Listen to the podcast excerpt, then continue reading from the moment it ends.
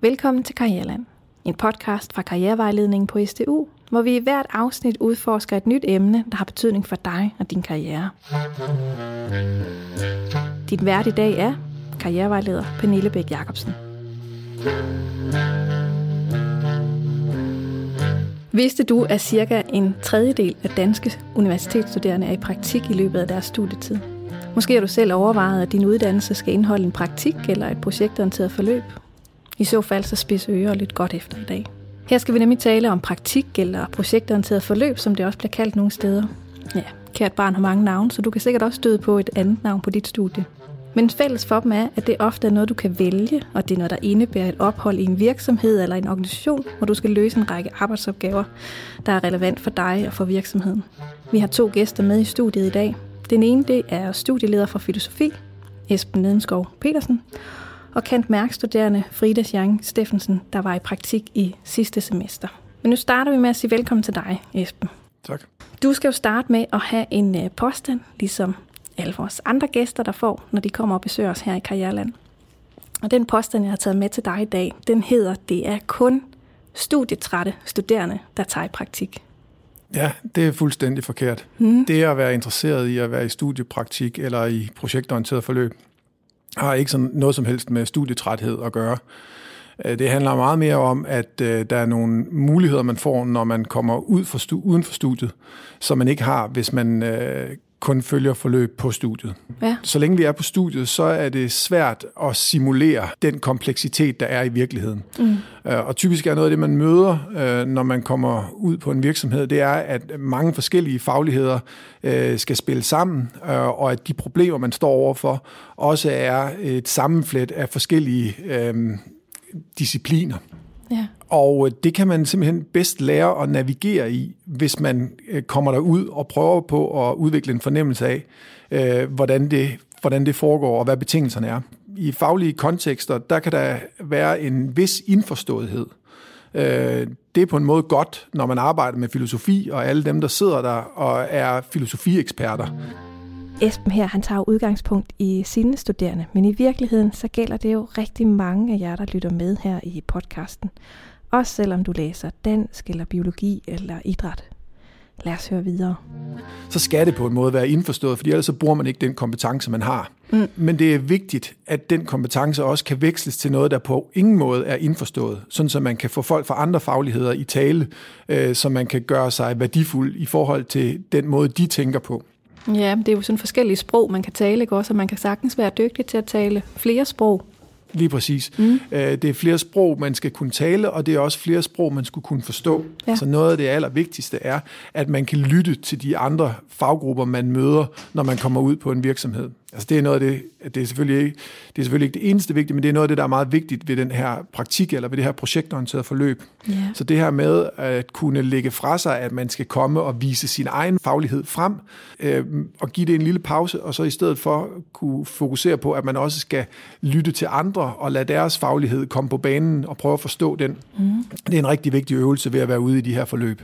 Synes jeg er en spændende måde sådan at sætte, uh, sætte fokus på det, at man også er villig til at lære øh, og ikke kun vise. Det hænger sammen med den sådan, øh, en tankegang, der egentlig er indlysende, når man, når man lige har tænkt lidt over det. Man kan jo godt tænke, at man skal komme og brillere og vise alt det, man kan. Typisk er det sådan, at øh, man er nødt til at tale øh, ud fra det sted, hvor dem, man taler til, de befinder sig.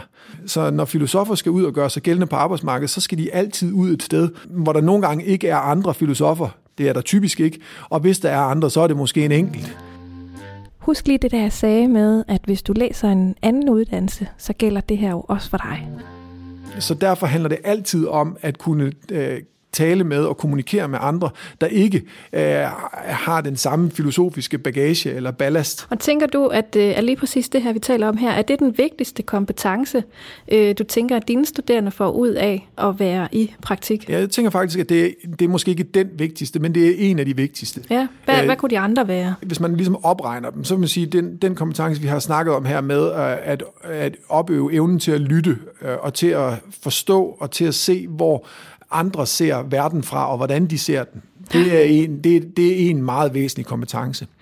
En anden væsentlig kompetence, det er øh, en form for håndværksagtig kompetence, der handler om, hvordan man kan bringe sit fag i spil. Mm. Mange teoretiske diskussioner, de foregår i sådan et i en lidt idealiseret verden, for at kunne fokusere på de centrale teoretiske temaer, så man skår nogle ting fra. Øh, og det er godt, fordi det giver et fokus på øh, lige præcis det, man diskuterer.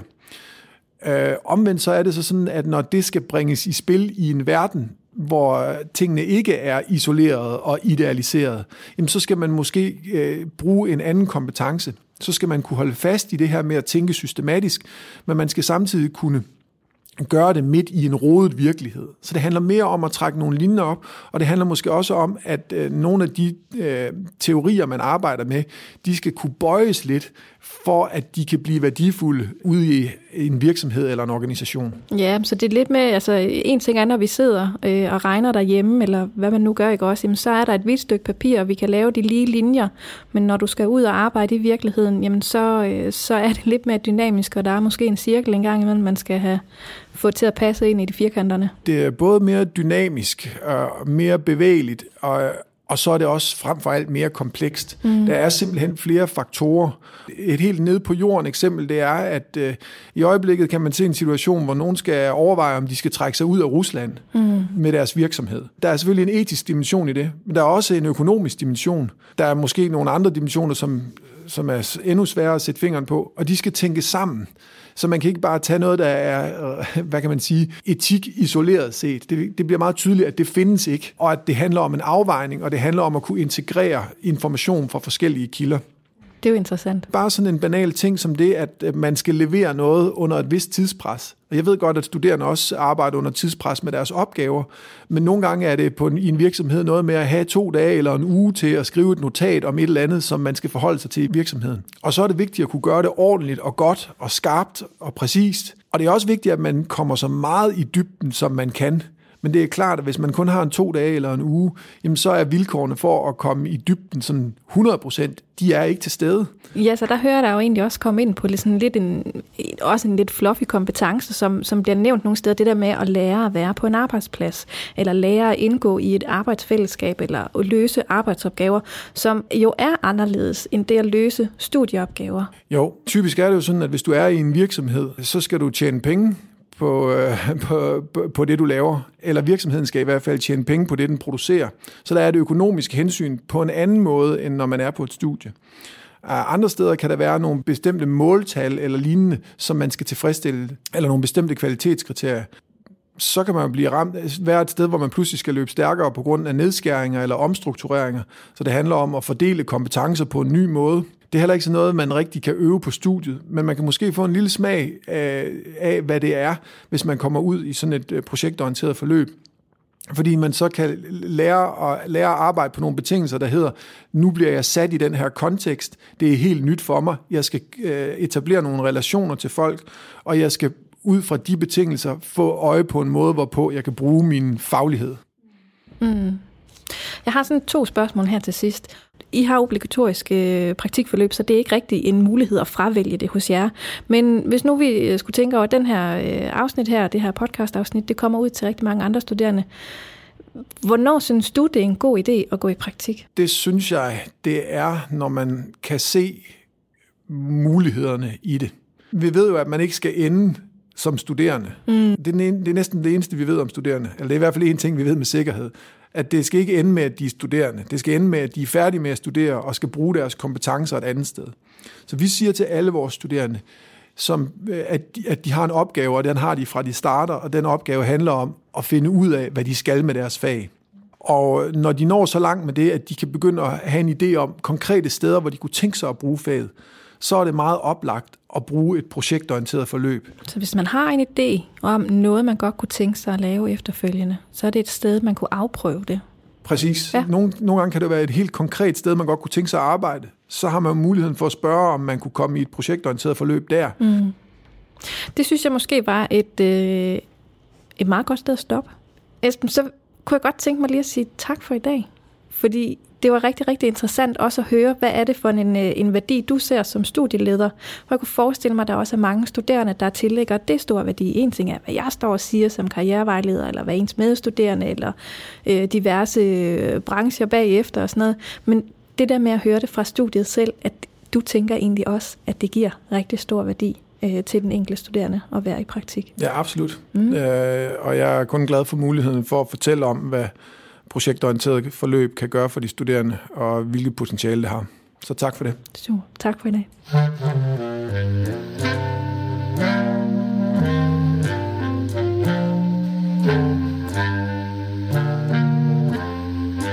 Nu skal vi sige øh, velkommen til dig, Frida Stjerning Steffensen. Og øh, vil du ikke starte med at fortælle lidt om dig selv, og øh, hvor du har været i praktik? Jo, jamen øh, jeg hedder Frida, og jeg øh, læser til dagligt øh, kan mærke i management accounting over på SAMF, og jeg er på mit 10. semester, mm. så jeg sidder i øjeblikket og skriver speciale. Jeg har været i praktik i SDU Rio på mit 9. semester, det vil sige efteråret, og øh, der arbejdede jeg med data Ja. og business intelligence. Øhm, I det her team, som sidder i SDU Rio, der arbejder med at nedbringe dimittentledigheden og gøre studerende mere klar til den karriere, der venter på den anden side af deres studie. Og det er både vejledninger og arrangementer, man kan deltage i. Så vi har siddet og kigget rigtig meget ind i den data, der ligger der, Mm. og prøvet at se, om vi kunne optimere lidt og udvikle de services, så de blev endnu bedre. Du var jo i et, øh, i et øh, ganske godt øh, studiejob. Hvordan kan det være, at du sådan valgte at gå i praktik, eller valgte den vej? Først og fremmest, hvorfor jeg valgte det, det var egentlig, fordi praktikken kunne egentlig give mig en anden retning end mit studiejob. Mm. Øhm, det viste sig, at jeg i forbindelse med til sidst lige inden praktikken i mit studiejob fandt ud af, at jeg havde nogle lidt andre interesser, end jeg egentlig var startet med at have, da jeg startede mit studiejob. Og det gav en mulighed for at arbejde videre med i min praktik. Så jeg synes, at hele det her praktik var en mulighed for ligesom at gøre min profil mere attraktiv og mere spændende.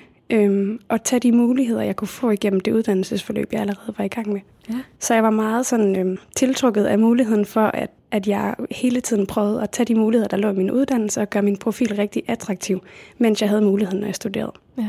Så uden de der muligheder, der var nu, mens du øh, var Men- er studerende, ja. Ja, også fordi, at der er mange af de der ting, øh, når man studerer, det, det får man måske ikke lige muligheden for at sætte sig ned og få tid til at gøre igen, når man all- allerede er kommet ud på arbejdsmarkedet. Så var det var et halvt år, hvor jeg havde mulighed for at bare udvikle mig. Mm. Øhm, og jeg havde ro til at udvikle mig med nogle mennesker, som er super kompetente omkring mig. Så det kunne jeg egentlig ikke se, hvorfor jeg ikke skulle. Nej. Det var også en mulighed for ligesom at få testet noget af. Ja, At nu havde du en idé om, at dine interesser, som du sagde, der havde ændret sig. Øh, så måske også få prøvet det af i, i, i sådan lidt mere sammenhængende øh, setting for at finde ud af, ja. holder det så stik? Ja, og ja. allervigtigst, så tror jeg også, at, at det er der mange af mine medstuderende, der kan skrive under på, men at det her med at få bekræftet den der akademiske kunde, altså man render rundt i sådan et meget teoretisk og akademisk miljø, øhm, men der er egentlig meget sådan usikkerhed omkring, hvad man kan. Det kan være vildt svært at sætte ord på ens kompetencer, og der kan måske være meget sådan usikkerhed forbundet med, hvad kan jeg egentlig bidrage med øh, i et arbejde, når jeg kommer ud på den anden side. Så det var rigtig dejligt for mig, og det var egentlig det, der var vigtigst. Det var ligesom at få bekræftet, at jeg stod et rigtig fint sted, der hvor jeg var Ja, så jeg, hør, fagligt. så jeg hørte også lidt sige, at der var faktisk sådan et ret tydeligt mål for dig. Ja. At, øh, at der var noget, du... Øh, altså, en ting var sådan ligesom at få, få prøvet nogle opgaver, men, men så det her med at få afklaret, hvad var det egentlig, du kunne, og få en lidt større øh, faglig selvtillid øh, Ja. med fra den praktik. Det var helt sikkert det mest vigtige. Mm. Altså sådan at få ro i maven og få ro i min faglige bagage, øhm, var ligesom det, der sådan var målet med det. Hvad, hvad fik du ud af det, sådan både fagligt og personligt? Det var det mest lærerige semester, jeg havde. Og det har også været hårdt. Ja. Øhm, men det har været hårdt, fordi det er hårdt at udvikle sig. Det er hårdt at lære nye ting hele tiden. Men jeg, øh, jeg fik en faglig identitet. Jeg fandt ligesom ud af, jamen, hvad kan jeg godt lide, og hvad synes jeg er spændende, og hvor er jeg god? Hvad kan jeg bidrage med fagligt? Og det gav noget faglig selvtillid, som du selv siger. Øhm, jeg, stod meget, jeg følte mig meget mere stærk fagligt, og jeg var sikker på, hvad jeg kunne, øhm, fordi jeg havde testet det af. Og jeg vidste, at det kunne bidrage med noget i den virksomhed, jeg var. Ja. Og så var der også en masse personlig øh, selvtillid, man får. Altså, det er jo altid dejligt at, at lykkes med noget, hvis man får en ny arbejdsopgave eller en opgave her i praktikken. Så var det vildt dejligt, at når det lykkedes, at man sådan havde følt, at man havde skabt værdi for sine kollegaer. Øhm, og det giver også ro. Mm. Ja, så du fik faktisk ro i maven? Ja. Mm. Hvordan sådan adskilte det sig fra at være i studiejob og så det at være i praktik? Jamen, altså det der er med sådan en praktikproces, der skal man jo skrive en opgave. Mm. Og det er ligesom, når man skriver alle andre opgaver på universitetet. Det er altid lidt spændende. For der er ikke nogen, der fortæller dig helt, hvordan du skal gøre. Og det var lidt det samme her i praktikken. Du var ligesom selv sådan ansvarlig for hele processen. Alt fra at være med til at definere projektbeskrivelsen. Men også til at finde ud af, jamen, hvad skal hver dag indeholde, når du kommer på arbejde. Mm. Det ligger der virkelig noget sådan, både noget øh, praktisk i, men også sådan, i mit hoved i hvert fald, synes jeg, det var, jeg skulle sådan lige vende mig til at navigere i, at det var mig selv, der skulle fylde hullerne ud. Ja. Og hvis der manglede noget, altså hvis der var noget, jeg ikke kunne besvare ud fra teorien, så måtte jeg gå tilbage til mit arbejde, som jeg kunne lave nogle arbejdsopgaver. Ja, hvad er det, man kan gøre der i praktikken for at lykkes med at, at få den der øh, faglighed frem, eller for at, og også at få gjort det tydeligt for sig selv, hvornår er det, jeg bruger min faglighed? Hvis vi sådan skal være helt konkrete, så øh, lavede jeg mig et schema Ja. ind i Word. Ja. Det var sådan en slags tabel. I den første kolonne, der skrev jeg, hvad for nogle dage jeg var der. Og i den næste kolonne, der skrev jeg, hvad for nogle arbejdsopgaver jeg havde lavet den dag. Og i den efterfølgende kolonne, der skrev jeg så, øh, hvornår jeg havde brugt min faglighed, og hvordan jeg havde brugt min faglighed ud fra den enkelte arbejdsopgave. Ja. Fordi det gjorde det nemmere for mig, når jeg skulle skrive min opgave, øhm, at gå tilbage til noget konkret. Så du havde faktisk hele tiden sådan den der opgave i fokus, men for ligesom at kunne, øh, kunne bygge det, den bro til, øh, til praktikken, så, så havde du det der dokument for dig selv, hvor du ja, ligesom fik fortalt dig selv, hvornår er det, jeg bruger min faglighed, og hvordan bruger jeg den, og hvordan kan jeg knytte det an til opgaven. Ja, og det vender egentlig lidt tilbage til sådan mit udgangspunkt. Jeg ligesom gjorde op med mig selv, da jeg sådan gik ind i praktikken. Fordi jeg havde lidt svært ved at øhm, balancere det der med, at jeg både havde et praktikforløb, men jeg havde også et valgfag ved siden af. Så jeg havde lidt svært ved at være 100% i praktik, og jeg ville også godt være 100% på min opgave, og jeg ville egentlig også godt være 100% i mit valgfag. Ja. Og det synes jeg var lidt meget. Øhm, så jeg havde lidt svært ved sådan selv at lige lande i, at jeg skulle alle tingene. Så jeg valgte at øh, gøre op med mig selv, hvad er mit fokus? Og mit fokus, det var at være 100% i praktik. Og så de dage, jeg ikke var i praktik, så var jeg 100% på mit valgfag. Og det gjorde, at jeg måtte slippe den der samvittighed over, dårlige samvittighed over, ikke lige at være startet med opgaven, men godt vide, at jeg skulle nok nå det. Men nu måtte jeg gøre alt, hvad jeg kunne i løbet af praktikken, på at hjælpe mig selv så meget, jeg kunne, til når jeg så skulle skrive opgaven. Og der var det der schema der en hjælp. Ja, fordi jeg ligesom havde i gang sat processen op i mit hoved. Ja. Så det var ikke sådan, at jeg startede helt på bar bund, da jeg skulle skrive min praktikrapport, men jeg ligesom havde et udgangspunkt. Fordi jeg havde jo skrevet ned, hvor jeg brugte min faglighed, så det var jo egentlig bare, kan man sige. Det var ikke bare, men det er egentlig at så koble det op på, på de arbejdsopgaver, så få skrevet noget teoretisk om det. Og du havde jo egentlig også gjort noget andet. Du har givet dig selv nogle ret gode forudsætninger for faktisk at kunne, øh, kunne være ret meget i praktikken. Det her med lige så øh, være lidt fremadskuende og finde ud af, hvordan er det mit næste semester øh, ser ud. Altså, jeg tror, det gik lidt op for mig lidt sent, at jeg skulle i praktik. Øhm, fordi jeg også lige sad med de overvejelser, som mange andre sidder med.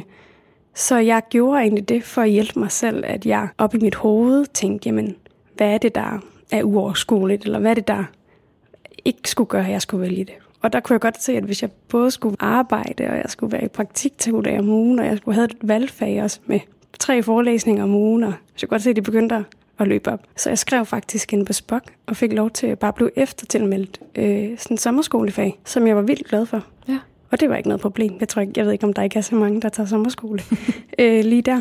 Men, øh, men det var ikke noget problem. Og det gjorde, at jeg havde to 10 testpoint i sommeren. Mm. Og så var jeg egentlig klar til at, at lægge mit fokus på praktik og på det der valgfag. Ja. Så det er sådan lidt et lavpraktisk råd, som jeg vil anbefale, at folk gør. Ja, man i hvert fald får kigget lidt på, hvad er det for nogle muligheder, jeg har for Ja. at kunne, øh, kunne give mig selv de bedste betingelser for at kunne lykkes i det der praktik. Ja. Mm. Du har sådan lavet rejsen fra først at have været i studiejob, og så har du været i praktik, og nu skriver du speciale samme sted. Hvilken værdi synes du, at det har givet? Først vil jeg sige, at jeg synes, at det sådan har givet en tryghed til at udvikle mig. Fordi jeg kender omgivelserne, jeg kender mine kollegaer, de kender mig. Jeg skal ikke starte et nyt sted. Mm. Altså jeg ikke skulle komme ud i en ny virksomhed og igen og bevise, hvad jeg kan. Altså det har egentlig været ret rart, at, at det ligesom ikke har været noget, der fyldte. Og jeg har kunne færdiggøre det projekt, jeg synes, jeg lidt startede på, da jeg startede mit studiejob. Så det har været vildt dejligt, at jeg har, sådan, har kunne få lov til at udvikle mig men samtidig være med til at løse et problem, som jeg kunne se gav værdi for mine kollegaer. Mm. Og så tror jeg egentlig, det mest vigtige er, at jeg har fået sådan en pseudoviden. Ja. Fordi jeg har ligesom ageret konsulent, fordi jeg kom ind med noget viden, som kunne skabe noget værdi, og som der måske ikke var så mange, der sad med. Så jeg har ligesom kunne være sparringspartner og har deltaget i nogle vigtige møder, hvor folk har haft brug for den viden, jeg har. Og det har givet mig noget erfaring til mit senere arbejdsliv, hvor jeg gerne vil sidde i en situation, hvor det måske er mig, der tager beslutningerne. Mm. Men det har måske givet noget erfaring, som jeg ikke bare ville kunne have fået, hvis jeg var i mit studiejob. Det er jo også noget af det, mange virksomheder siger, det er det egentlig, de gerne vil have, at man øh, som studerende fortsætter. Det er ikke altid, der er mulighed for det, eller sådan noget, men mange virksomheder er egentlig interesseret i øh, at kunne lave den der rejse der, enten fra studiejob og til praktik, eller fra praktik og skrive speciale. For som du selv siger, så er der noget tryghed. Vi kender hinanden. Øh, man ved ligesom, hvordan er frokostordningen, eller øh, hvem er vi hver især. Og det betyder noget, når man sidder i din stol som studerende, men det betyder så også noget, når man sidder i virksomhedens stol, at øh, jamen, så kender vi vedkommende, ved, hvad, hvad vedkommende øh, kan, og han hun øh, kender os og kender opgaven, og vi kan ligesom lidt hurtigere komme til, øh, til opgaven. Øh, så jeg tror heller ikke, at man øh, skal nødvendigvis være så bange for at tænke, at åh oh, nej, nu er det samme sted, og så udfordrer jeg mig selv nok, eller sådan noget. Nej, det tror jeg egentlig også, der var mange, der sådan spurgte, skal du ikke noget andet? Ja. Men hvorfor? Ja. Altså, jeg tror, for mig handler det om, at i stedet for at skulle starte et nyt sted, hvor jeg skal til at, at starte forfra, nu kan jeg jo egentlig bare fortsætte og udvikle mig endnu mere. Mm. Og det er det, jeg tror, der sådan har været mit fokuspunkt for hele, øhm, både studiejob og praktik, og det der med at tage muligheden, når den er der, Ja. og prøve at udvikle, altså sådan, tage de muligheder for at udvikle dig, du kan. Og jeg synes, at mit, mit grundlag for at udvikle var meget bedre her, fordi jeg allerede var startet, end hvis jeg skulle starte et helt nyt sted. Og jeg måske fik nogle arbejdsopgaver med lidt mindre ansvar, fordi folk ikke rigtig vidste, hvad jeg kunne. Mm. Så var det bare fedt at, øh, at være et sted, hvor folk stolede på, at når jeg tog arbejdsopgaven ind, så skulle den nok lykkes. Ja. Det kan selvfølgelig godt være individuelt. Det kan godt være, at, at der er nogle af jer, der sidder derude og tænker, jeg skal i hvert fald ikke i praktik på mit studiejob. Men det kan jo så være, at man øh, får lyst efterfølgende til at spørge, om der er mulighed for et, øh, et speciale samarbejde eller andet. Ikke? Mm. Mm. Og jeg tror også bare, man skal huske, at bare fordi man er i studiejob, og man også er i praktik sted, så er det ikke det samme. Mm. Man er ikke en studentermedhjælper, fordi man er praktikant. Nej. Og det tror jeg er rigtig vigtigt at sådan, navigere i begge roller, men også bare at huske, at der måske følger lidt mere ansvar, lidt mere tillid med. Du kommer ind øhm, og hjælper virksomheden, måske gratis. Altså, de er jo bare glade for, at du kan give dit take på tingene Ja. og hjælpe til. Så det er ikke fordi, man skal komme ind og opfinde den dybe tallerken, og man skal jo egentlig bare komme ind og skabe værdi og hjælpe, løse arbejdsopgaver der, hvor man kan. Ja. Så man skal ikke have så mange bekymringer omkring, at man skal kunne alt muligt. Man skal jo egentlig bare gå op og bidrage med det, man kan. Og hvis det er lidt mere end de vidste i forvejen, så har du jo Så har, man allerede, ja, Ja. så har man allerede vundet. Ja. Ja, så, så hvis man sidder sådan og er lidt nervøs for, har jeg overhovedet noget med min uddannelse, som kan, kan skabe værdi, så skal man måske ikke være så bekymret for det. Det synes jeg ikke. Altså, virksomheder ved jo også godt, at de køber ind på studerende. Ja. Altså, du har jo ikke skrevet under på, at du har haft 10 års erfaringer. Så, øh, så det synes jeg slet ikke, man skal, man skal være så bekymret for. Jeg har jo bedt dig om sådan at prøve at forberede øh, tre gode råd til, hvis man øh, som studerende overvejer at gå, øh, gå i praktik eller vælge praktik. Hvad er det for nogle øh, tre gode råd, du har? Først, så synes jeg, at man skal gøre det, Mhm. fordi den muligheden er der. Ja. Og det er ligesom med alt muligt andet på universitetet. At tage et fag, fordi det er ikke sikkert, at man får mulighed for at lære det der igen, eller hvor tit sætter man sig ned, når man er færdiguddannet og travlt og skal have børn. Og... Så det er nu, du har muligheden for at blive klogere. Og du har et rum til at blive klogere, og det tror jeg er rigtig vigtigt. Der er afsat tid i din studieordning, til du kan blive klogere og udvikle dig. Ja. Øhm, så det er egentlig sådan mit første råd. Ja. Og det kan også godt være, at det virker lidt overvældende for nogen at springe ud i det. Og det forstår jeg også godt. Men ellers så vil jeg sådan, hvis man har mod på det, så synes jeg, man skal gøre det. Så gør det, hvis man har mod til det. Ja. Nu der er muligheden for også at få, få afprøvet, hvis der var en eller anden idé om noget, man måske tænkte, det er den her retning, jeg skal. Eller det kunne jeg godt tænke mig at få afprøvet. Du får det jo også på CV'et. Mm. Altså, det er jo også en gevinst for dig. Du bliver mere afklaret, og du får en lille smagsprøve sådan på den virkelige verden. Plus at dit CV. Altså, mange steder kan du sikkert også få en anbefaling. Så øh, ja, det synes jeg klart, man skal gøre. Mm. Det var råd nummer et. Ja, mit råd nummer to er egentlig, når man skal sådan dykke lidt ned i, hvorfor man overvejer det. Mm. Der er en masse fordele. Hvis du sidder derude og overvejer det nu, så ved du også godt, at der sikkert er nogle fordele, men der er også noget, der holder dig tilbage. Mm. Jeg tænkte i hvert fald dengang, jeg sad med det at være sådan, hvordan vil jeg fortælle en fremtidig arbejdsgiver, at jeg ikke valgte at gå i praktik? Ja. Og så bagefter så tænkte jeg på, og hvordan ville jeg så fremhæve, hvis jeg havde valgt det? Ja. Og der gik det op for mig, at der måske var rigtig mange fede ting at sige, hvis jeg havde valgt det. At jeg prøvede mine kompetencer i praksis, jeg havde skabt et netværk, og der var vildt mange fede ting at sige. Men mange af de ting, jeg ville sige, hvis jeg ikke havde gjort det, ville være mere sådan, ah, det var lidt uoverskueligt at finde en praktikplads, eller så skulle jeg også lige til at lave udfylde den der kontrakt, og ja, det var sådan, så skal man søge fag, og der var lidt, det var lidt sådan nogle praktiske begrænsninger. Ja. Så, øh, så det tænkte jeg rigtig meget på, og så kom jeg frem til, at de grunde, jeg egentlig havde for ikke at gøre det, det var ikke, fordi jeg ikke havde lyst. Det var egentlig, fordi det måske var den nemmeste udvej ikke at gøre det. Ja. Og det tror jeg, man skal passe på med nogle gange. Også fordi nu, du har muligheden for sådan at, at krydre det hele lidt og prøve noget andet. Så det kan godt være praktikken, og det at, at skulle søge praktik og alle de her ting, og, og få det til at gå op i en større enhed, og det er lidt mere besværligt, eller hvis man bare tog den gængse vej, eller hvad vi nu skal sige, altså den vej, man kender øh, ved at vælge fag, men man skal overveje sådan ligesom, hvorfor er det, man gør det ene eller det andet. Ja. Og der kan være fine grunde til at gøre det. Ja. Øh, begge dele, ikke også? Men at man bare har sine egne grunde på plads. Det leder lidt ind i det sidste, jeg har skrevet. Ja. Hvis det virker uoverskueligt, og hvis man ikke har lyst, det kan jeg godt forstå, hvis man ikke har, Mm-hmm. så skal man måske mærke efter og få brækket det her proces op i nogle mindre bidder. Ja. Altså øh, lyt til ens mavefornemmelse. Og min mavefornemmelse, der kunne jeg jo godt mærke, at det var jo ikke, fordi jeg ikke havde lyst. Så jeg tror, det der med at finde ud af, sådan, hvornår er det, det bliver grænseoverskridende. Øhm, og hvad er det egentlig, der holder mig tilbage? Ja. Og så prøve sådan at konkretisere det. Og sige, jamen er det fordi, at jeg synes, det er lidt besværligt, så er det jo egentlig noget, man kan gøre noget ved. Så det tror jeg, man sådan skal gøre klart, at det er sådan, fordi man er ude af komfortzonen. Mm. Eller er det fordi, man egentlig ikke har lyst? Og Ja. hvis man egentlig ikke har lyst, så tror jeg måske, man skal finde noget andet. Mm. Fordi man skal også have sig selv med i det. Ja. Øhm, men hvis man godt kan se, at der måske egentlig er et eller andet inde i en, der gør, at man har lyst, så prøv at tale tingene ned, i stedet for sådan at tale det hele op, og det er uoverskueligt. Så tag en ting ad gangen. Jamen, find en praktiksted. Ja. Så bruger vi et par dage på det. Ja. Og skriv en ansøgning. Der har du måske en, du allerede kan tage udgangspunkt i. Og ellers så tag til en karrierevejledning og snak med dem. Så det var jo sådan øh, et, to, tre rådene. var det første. Jamen, altså gør det, det er nu, du har muligheden.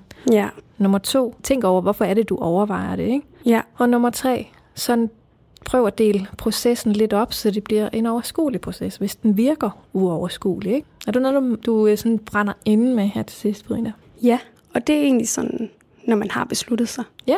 så synes jeg, det er rigtig vigtigt, at man... Nu sagde jeg, at man skulle forventningsafstemme med sig selv. Mm. Men jeg tror også, det er rigtig vigtigt, at man forventningsafstemmer med den virksomhed, man kommer ud til. Ja. Og få evalueret, fordi at igen det der med at gøre tingene overskuelige op i ens hoved. Man kan godt have mange tanker om sådan, hvad er outputtet? Mm. Altså sådan, hvad er det, de gerne vil have, jeg leverer? Ja. Hvordan, forventer, hvordan forventer de, at jeg arbejder? Så alle de der ting, som fylder og bekymringer, der fylder ens hoved, der tror jeg, man skal være rigtig god til at få snakket med virksomheden. Og jeg havde en anden idé om, at jeg skulle aflevere en kæmpe lang rapport, og så skulle jeg både skrive min praktikopgave, og jeg skulle også være her. Og... Men det fandt jeg ud af, at jeg ikke skulle. Ja. Så det der med at få elimineret nogle af alle de der bekymringer, man går med. Ja, fordi nogle gange så har man jo sådan, hvor man tænker, altså man, man sætter jo nogle gange forventningerne selv, ikke? Ja. Hvor, hvor for afstemt dem, som du siger, så man får de realistiske eller de rigtige forventninger øh, Ja. til hinanden for sig. Det synes jeg faktisk er en, en ret god øh, note sådan at, at slutte af på her. Tak fordi du, øh, du kom, Frida.